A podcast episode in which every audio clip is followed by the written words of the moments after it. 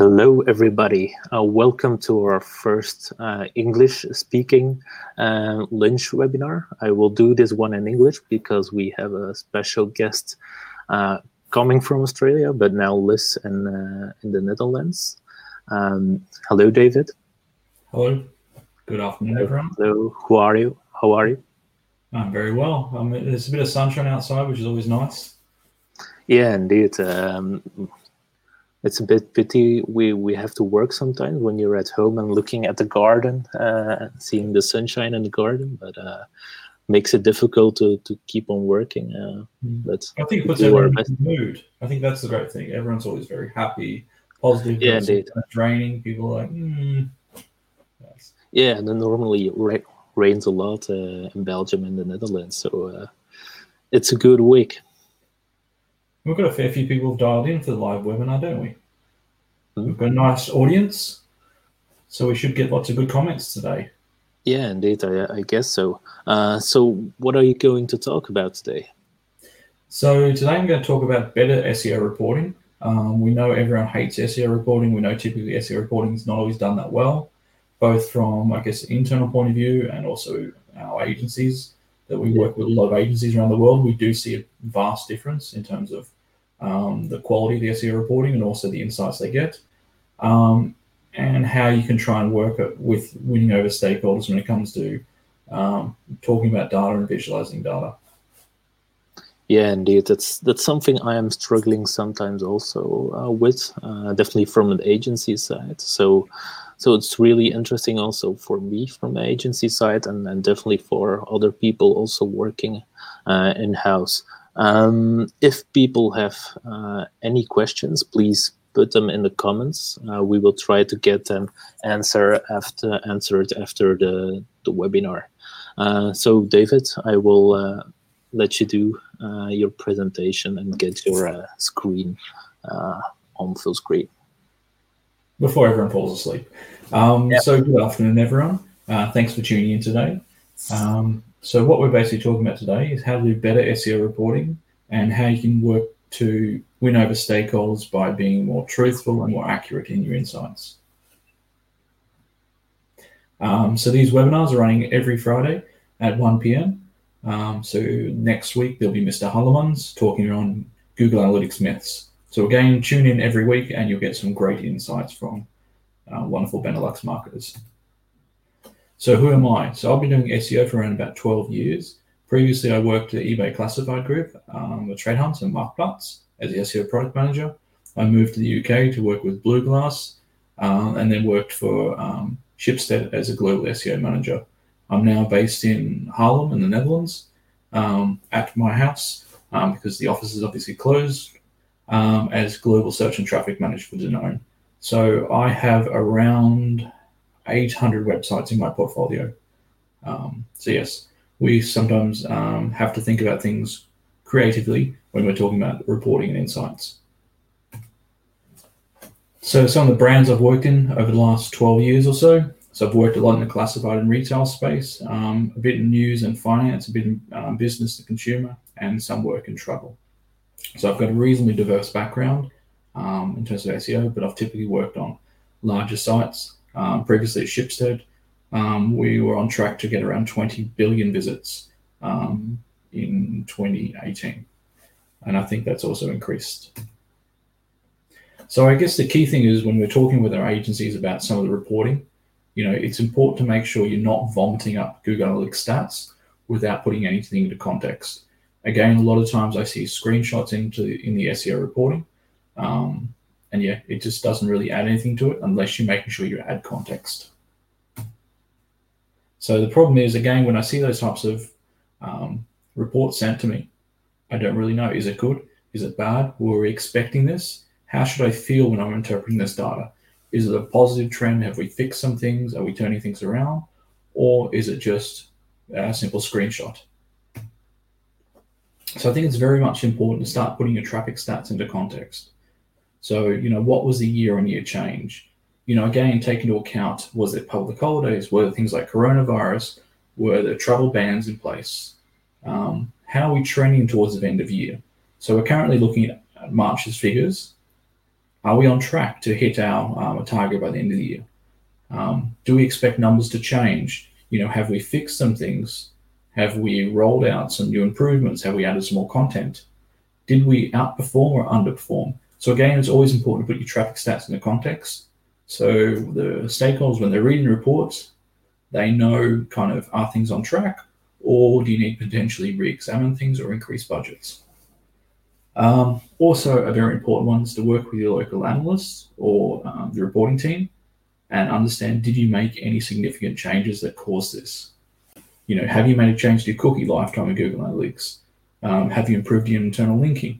Have you done some speed performance? Have you upgraded the CMS? Moved to a new server? So again, it's always important to understand where these types of things um, change because they can have a fairly significant impact on your numbers. Um, so this is an example of what um, I got from one of my agencies. And again, um, these industry updates don't always add much value. And again, this is the same report with two different websites with different information.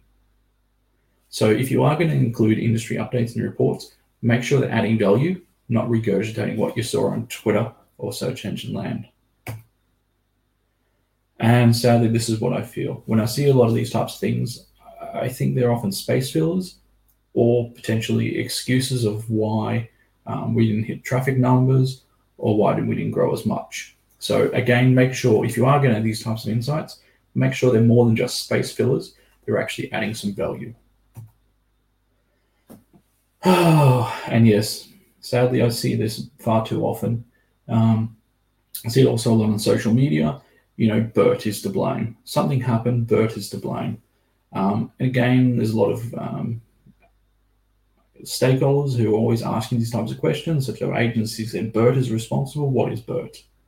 So when you are saying BERT is to blame, please explain to your um, clients a bit about the um, the BERT um, background. And yes, medic. Again, because I work in the health space, you know, we see a lot of shifts around um, the medic update. We've seen sites go up, we've seen sites go down, we've seen sites maintain.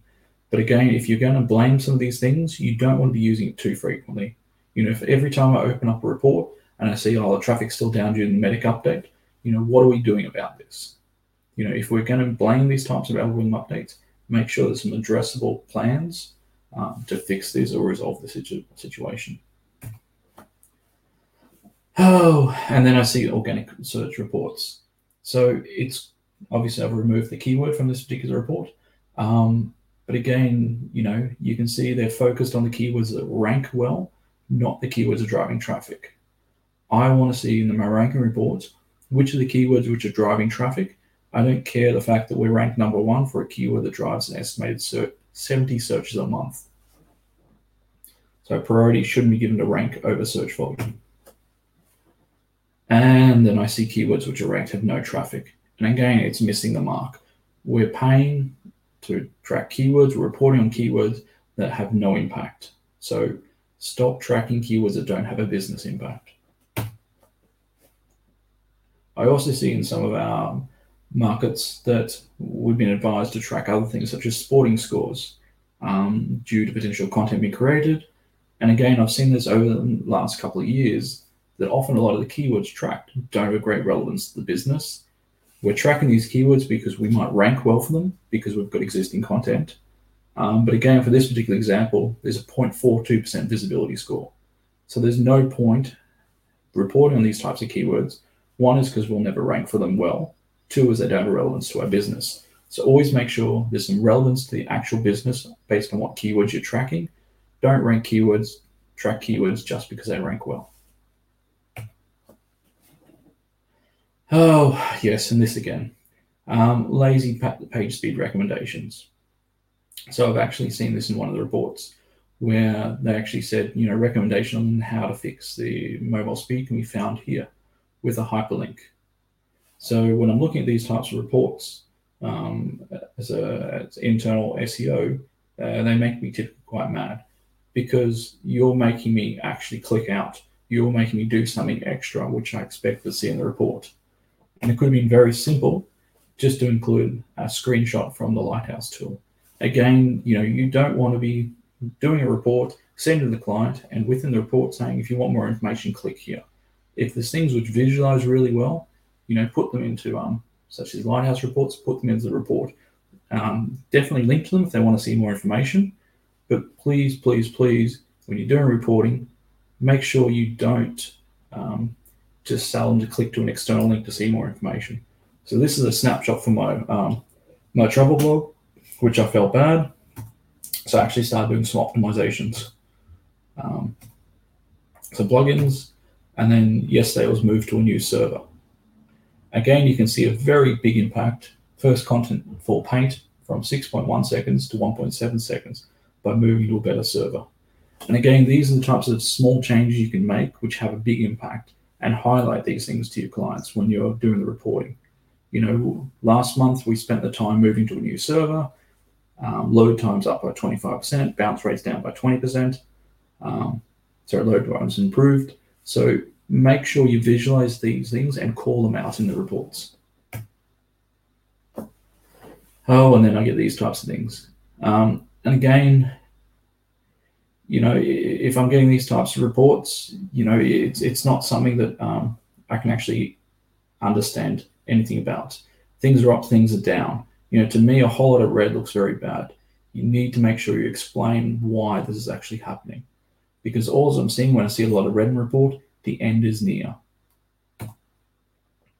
Um, another thing is typically I, I occasionally see, and I've seen this in the past, and I've even been guilty of doing this sometimes that you've actually put in very obvious things. So these make me question do I understand? Do you understand my business? Such as looking at daily users the start of the month started out strong, and peaked out leading into Christmas and New Year's. I'm not sure anyone is really that um, surprised that traffic was down on Christmas, New Year's. And again, be very smart when you're doing this reporting. It's your one opportunity to touch with uh, stakeholders and make sure that they have confidence that you understand their business and understand their web traffic patterns. If you can see for the last three years in a row that traffic was down Christmas and New Year's, probably don't highlight in the report. They probably have a pretty good idea. Oh, and please stop the Excel reports. Again, they're static, they're useless, no one really looks at them. Um, you're basically wasting time. Again, if clients want it, and sometimes clients ask for these types of things, you know, ask the following typical questions. Do they value more efficient of your time spent actually doing SEO? Do they want almost real time reporting? Um, the other issue is you can't track if they click and open the Excel reports, but you can if you use something like Google Data Studio or Tableau. The other fun thing, which has happened in the past when I was working in agency, we did the reporting on the wrong month. So the problem is we had to resend that Excel file. Again, if that was done in something like Tableau or Google Data Studio, we could tweaked that in the back end without having to explain to the client that we sent the wrong report. Um, and again, it's important to ask the clients, are they paying you for just reporting or SEO? If they are paying for reporting, that's fine. But if they're paying you expect results, um, you want to make sure you're actually delivering those results. And again, Excel reports should have stopped years ago. So please stop sending static Excel reports every month. No one really cares. No one really looks at them you can move to interactive dashboards such as Data Studio Tableau and deliver automated reports in a far more beautiful environment. Oh, and I also occasionally see these types of things. So again, the SEO report for May was generated on the 5th of June. You know, if you're doing automated reporting using tools like SEMrush, do them on the day. You know, there's no reason an automated report in SEMrush should be delivered one or two weeks after Again, that was Wednesday, the 5th of June. You could have easily sent it out on Monday, the 3rd of June. So these are the types of things that clients can notice these things. And again, not all clients will be on top of everything around this. But again, if you're trying to build trust and authority within the organization, they will start to notice these types of discrepancies. That they're paying for reporting that's coming out three or four days later, which is already the first and towards the first week of the month. And the really sad thing is sometimes how late your monthly reports when you're doing them manually. Um, so I have seen in um, some markets, and I know I've even done it myself, um, where the report's been sent out the 19th, 20th, even the 24th of the month. So again, if I'm sending the February report on the 24th of March, it's not really actionable for the business. So move to automated reporting, move to streamlined reporting, and please, please, please stop sending your reports two or three weeks late into the month. Because again, what can you do three or four weeks later? Um, again, look across your snapshot of your budgets, how much time you're actually spending on doing SEO versus reporting. If you're spending a, a third of your time reporting and you're not spending your time on op- optimization, you know, think about these types of things. Again, if you're spending 10% of your time on technical monitoring and you can use a tool like uh, ContentKing to automate that uh, monitoring, you know, that's 10% of your time you can spend on on on-site optimization or outreach. So be smart about your deployment of your budgets if you want results. So typically, when I look at these types of things and I see you doing um, um, technical reporting and monitoring, these are the types of things I'm going to look to start cutting from your budgets. Again, there's tools like DeepCrawl, which monitor crawlability, site speed, identifies quick wins, and does monthly reporting for you. These types of things I'm going to actually take out of your budget. So if you continue to charge me for these types of things, eventually you find your budget may decrease. Um, also, great things like, um, again, ContentKing, um, all these things which you're talking about within your monthly reporting, they can do for free as part of the packaging. So take advantage of these types of tools, automate your reporting, streamline your reporting, and making sure it's not taking two or three weeks to get the insights to your clients. Um, also, again, tools like SEMrush, which a lot of agencies typically use, you know, all this stuff is basically automated. You know, you can send out weekly position, position tracking reports. You can customize, you can brand them, you can white label them. You know, all these types of things can be scaled and automated. These things should be done manually anymore. Because again, automated reports are almost real time and free. Most of you are using Google Ads, Google Analytics, and Google Search Console. All these connectors are available within Google Data Studio for free. So takeaway notes. Stop using Google Analytics data without context. Ensure industry um, news adds value is relevant. Focus on keywords driving traffic, not vanity rankings. Make sure share of voice tracking is useful and ranking is possible for these keywords. Make all your recommendations and your reports actionable. Explain why the metrics are moving significantly so you don't panic people. Um, stop with manual Excel reporting and ensure your monthly reportings don't take two to three weeks. And automate your manual tasks and focus on insight and strategy activities.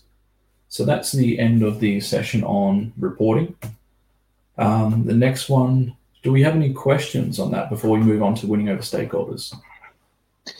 Uh, we had one uh, question from Arne. Uh, I will show it in the screen. Uh, how far would you go to explain page speed improvements? In the end, we're not devs, we're not developers, so often it's hard to assess what the effort involved is on the part of the devs. Yeah, so we've done this in the past. So obviously, you've got tools like uh, Google Lighthouse, which absolutely gives you the kind of the um, the time improvements. So it will say if you compress your images, you can look at a 1.3 second improvement.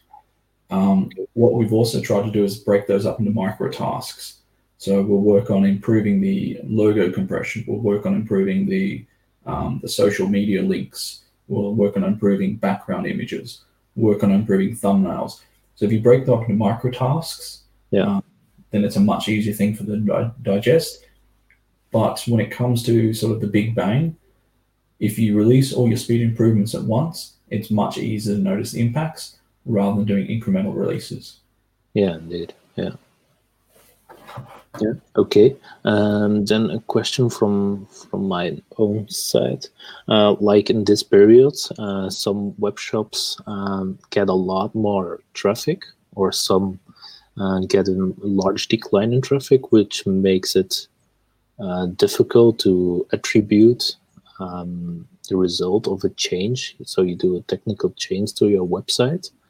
It's it's much more difficult to to say like the the increase in traffic is due to this change because it's changing because of search traffic. Do you only focus on on search rankings then? Um, so typically i would look at um, how your homepage traffic performs organic and non-homepage Good. So split those out, but also look how your direct traffic's performing. So if you typically, if your organic traffic increases and your direct traffic increases, that's good. But if your direct traffic maintains the same and your um, non-homepage declines, that more likely means it's an SEO issue. If your homepage traffic declines, it's typically more related to brand. Okay. Um, so that's how I would look at splitting your organic traffic. Um, but always try and tie it back to um, direct because then that gives you a rough calculation and that they they form a reasonable sort of um, pattern. It's not perfect, but it's it's what we've used a lot in the past. Hmm, good, interesting. Uh, so there's one question. Uh, also, uh, what would you recommend for reporting to your SEO team using SEMrush or um, or Google Data Studio? I mean, I would do Google Data Studio. Uh, the, the simplest way to do it, well, there, there is a SEMrush connector that connects directly into um, the Data Studio as well. That's one option. Um, but if you need to manually sort of manipulate some of this, not manipulate, when you need to manually kind of take things and fix things and adjust things, I would put into a Google Sheet template and then feed that into Data Studio. Yeah, we also had the same thing with uh, the advanced web ranking um, connector for Data Studio. It's just not always giving the right things, and some combinations are not possible, and mm-hmm. then data is, is not correct, and then it's better to leave it out and use a, a spreadsheet, for example. So, yeah, that's indeed a good one. And then maybe last question. Um, I, I I, I understand what you are saying about automated reports on the first of the month, but don't you always want to include some manual conclusions? If you have many clients, it's difficult to do the manual part of the reporting so soon in the month. Yeah, so there's two parts. There's one is generate the report. So you can generate the report on the first. You don't have to, I mean, I love it if you send on the first, but at least generate it on the first, um, as long as all the data is in there. Um, the thing around the, the to come to the conclusions, you can typically look at these in the last week. So how trends are performing over the last week last couple of days of the month are not going to drastically change. So if traffic is down by 30% um, on day 39, sorry, day 29, things aren't going to shift that much over the next day or two. You just might tweak on your results um, when you get the final numbers. So I would say start looking at the figures and start making conclusions and writing notes in the last week. Okay, thanks. And then the very last questions, and then we will start with the next part.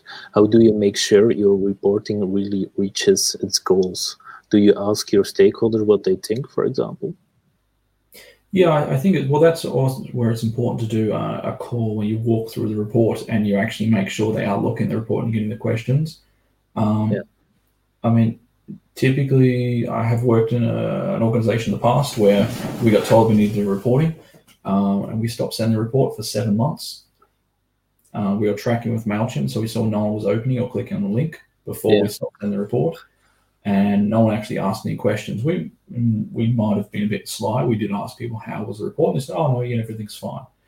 So it proved that no one was actually um, using the report, which we were spending one or two days on. Um, so yeah, so I, I, think you know having those calls, webinars, walking through the report, I think is a good idea um, because you can get direct feedback. Um, but yeah, asking the stakeholders what you think is not always going to give you the results you want it can be the case that you want to frame the question in your advantage. So, you know, do you agree we need to reprioritize our efforts on page speed? Um, well, can can you check into that part of the report on page speed because uh, I'm trying to send out a letter later today to remind people on the on the importance of this topic. So yeah, so ask more specific questions rather than generally what do you think of the report, because you're usually going to get a very vague answer. It's either they haven't looked at the report yet, Mm, I don't have view, but yeah, try and get some actionable stuff on, on particular parts of the report. Okay, yeah, interesting.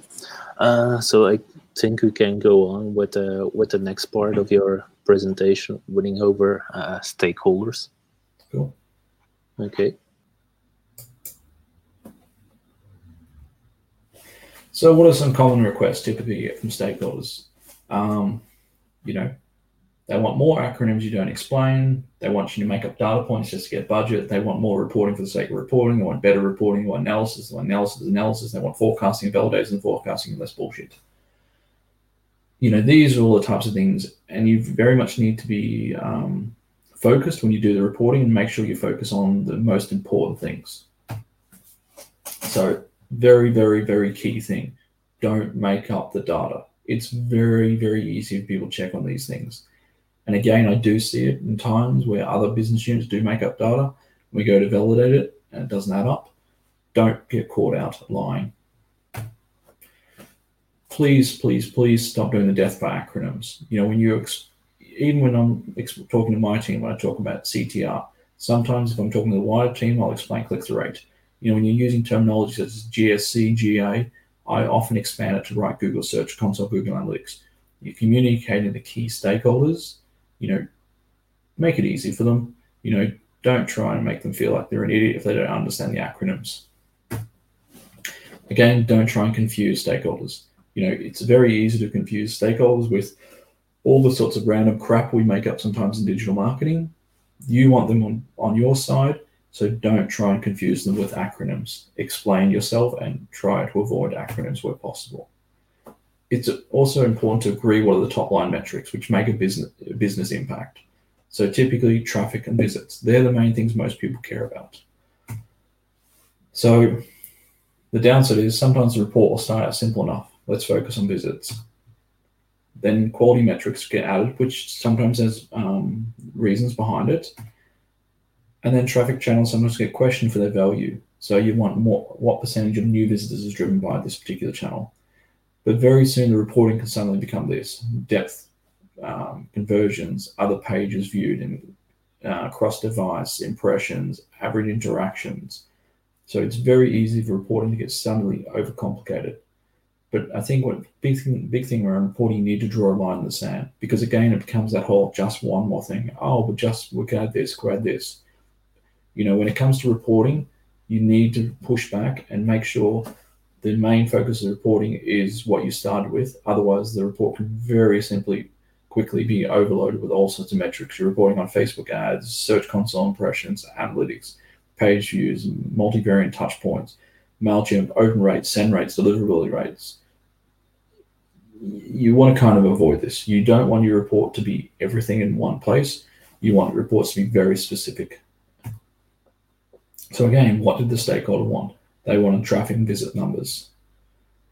Um, so go back to that. Go back and focus on what they asked from the first place. When it comes to forecasting, again, this is the type of question we, we sometimes get from some of our markets. How do we look at forecasting? So typically, I usually advise basic forecasting. You're looking for metric change, which are traffic uplift, low workloads done typically in analytics, and measured in analytics. Standard forecasting, you can look at ranking improvement, um, impression improvement, better click-through rates. That takes a moderate level of work and it may require some SEO forecasting software or a, some formulas in um, Excel or Google Sheets. Then you get the much more complicated stuff, the stuff typically I've had to do a lot in the past. We do business-based forecasting. You know, you look at rank improvement, impression uplift, click-through uplift, traffic uplift, increased sales, increased conversions. And the work required around that is, can be typically moderate to high because you have to take a whole lot of other factors into consideration you have to take budgets into consideration. You have to take seasonal trends. So understand when you're doing forecasting, what type of forecasting is required. Is it basic? Is it standard or be business forecasting? And typically consider that based on your experience and the workload and the resources available. But please, please, please make sure when you're doing analysis and forecasting, make sure you validate it with their analysts and their insights team. Because if you're saying two different stories, they're going to take their view of yours. But the sad thing is, is even when you have all the data, insights, and trends, you will sometimes lose out because they'll focus on one shiny, bright thing that takes all the resources away. So don't panic, it will happen occasionally. The other thing that's very important around working and convincing stakeholders don't use the fear card too often, it loses impact. Um, you know, so you see with them, as I said, the monthly reporting, you know, medic update, BERT update, hummingbird update, panda, penguin. you want to make sure you're not overusing those fear cards because they start to drown out um, and ignore you. So everyone remember Mobilegeddon. So I was able to make sure all our sites were mobile friendly, or at least our key pages. Um, the feedback from stakeholders was uh, we didn't see a traffic decline. You know, we, we kind of think this was overrated. So even when you get everything prepared to stop the business from hemorrhaging, um, they will still sometimes look at this and think that you've used the fear card. So just accept sometimes if you get the business prepared or um, equip them in terms of clients that there's a big change coming up, and they need to be prepared for this. They will still sometimes throw you under a bus. And again, what was that Google algorithm update excuse? These things will haunt you. If you use these things too frequently or too often, they'll become a bit of a running joke. Um, so make sure you're not overusing some of these things when you're communicating with stakeholders. And again, have an agreed strategy and metrics. So when you talk to them, you said we agreed we would follow this strategy. We agreed we would continue adding content. We agreed we would continue fixing technical issues and highlight the fact that you know how you're performing against these metrics. So it's very important that you have agreed strategy and agreed metrics because when things panic or when things fall apart, you can always fall back to those. Takeaway notes don't try and confuse and mislead stakeholders. Focus on top level metrics. Understand what type of forecasting is required. Um, validate your data with your analyst. Accept sometimes your business case will lose out. Sometimes you will annoy stakeholders with some of these proposals. Just accept that's a way of life. Don't overuse the fear card. Don't overuse, overuse Google algorithm updates. And ensure you have a agreed strategy and metrics that you fall back to. So, dankjewel. Um, that's the end of that particular session. Um, just a quick reminder, I'll put that up on the screen for Mr. Halleman's uh, webinar next week on Google Analytics myth busting. Yeah, cool. Uh, thank you, David, and also for for introducing our our speaker for uh, next week at the at the same time, uh, one in the afternoon. Um, we do have Arno Tellemans about uh, Google Analytics mid busting. Um, so I saw there was, was one question uh, still. Um, maybe you will cover this further down the line, but do you evaluate whether your forecasts were accurate enough? I think that's what you meant with uh, checking it with the data analyst. Yeah, and again, I think that's something that you know, as SEOs, we sometimes suck. We don't follow up things. Um, so it was the case that um, if you're building your order automated reports, so using things like advanced segmentation, Google Analytics, using Data Studio with some filters, these things are basically automated. So in the past, we have built custom reports or dashboards to monitor these types of impacts. Um, and it was the type of thing we would report on um, every week or every month, depending on the size of the, the project. Um, yeah, it, it's definitely something you should be constantly putting these points. Because again, if you fix some technical issues and you say, oh, by the way, organic traffic's up another 5% to this part of the site we focused on, this week is another up another 6% while the rest of the site is flat. You want to scream about these successes. Um, is indeed. Yeah. And learn from them if potentially it tapers off. Um, because we do start to see some of these things will start to decline again, which means you put your hand up to say, hey, this worked for us, but we need to get some more investment to get this keep this going. Okay. Uh, another question: How do you cope with Corona forecasting? As all, as we all have to do right now, are we able to forecast upcoming behavior? Um, it depends what business you're in. So, if you're in a business that sells, um, uh, I guess, consumer goods, it's a bit easier to do this forecasting. Um, typically, it's tied into um, brand. Um, so, when you're doing, um, I guess, your Corona forecasting, focus on very, very simple keywords. Um, consumers um, have sort of dialed back their complexity in terms of how they search for stuff when they're kind of panicking. Um, so, yeah, so I, I, think most people saying almost week to week is, is kind of the best you can kind of get. Um, I think, yeah, it, it's going to be a real tough one. Again, it depends on if you're in a travel site you know, it's going to be really hard to forecast these types of things. Um, it also depends on which market you're in. So if you operate in the UK market, you may not get um, as much impact as if you're operating in um, France or Italy or the US. So yeah, so it, it is quite hard to deal with corona forecasting. I guess I'm in a lucky position that um, I don't have to directly for, um, do the forecasting, but I do have to the insights and trends. Mm-hmm. So yeah, look at your content. You know, make sure your content's updated to focus around uh, coronavirus. Um, you know, because people will be looking for information. You know, are you still um, are you still operating your stores? Are you doing delivery? Um, you know, do you have phone support? Do you have social media support? What's your refund policy? So make sure you review all your content around this topic.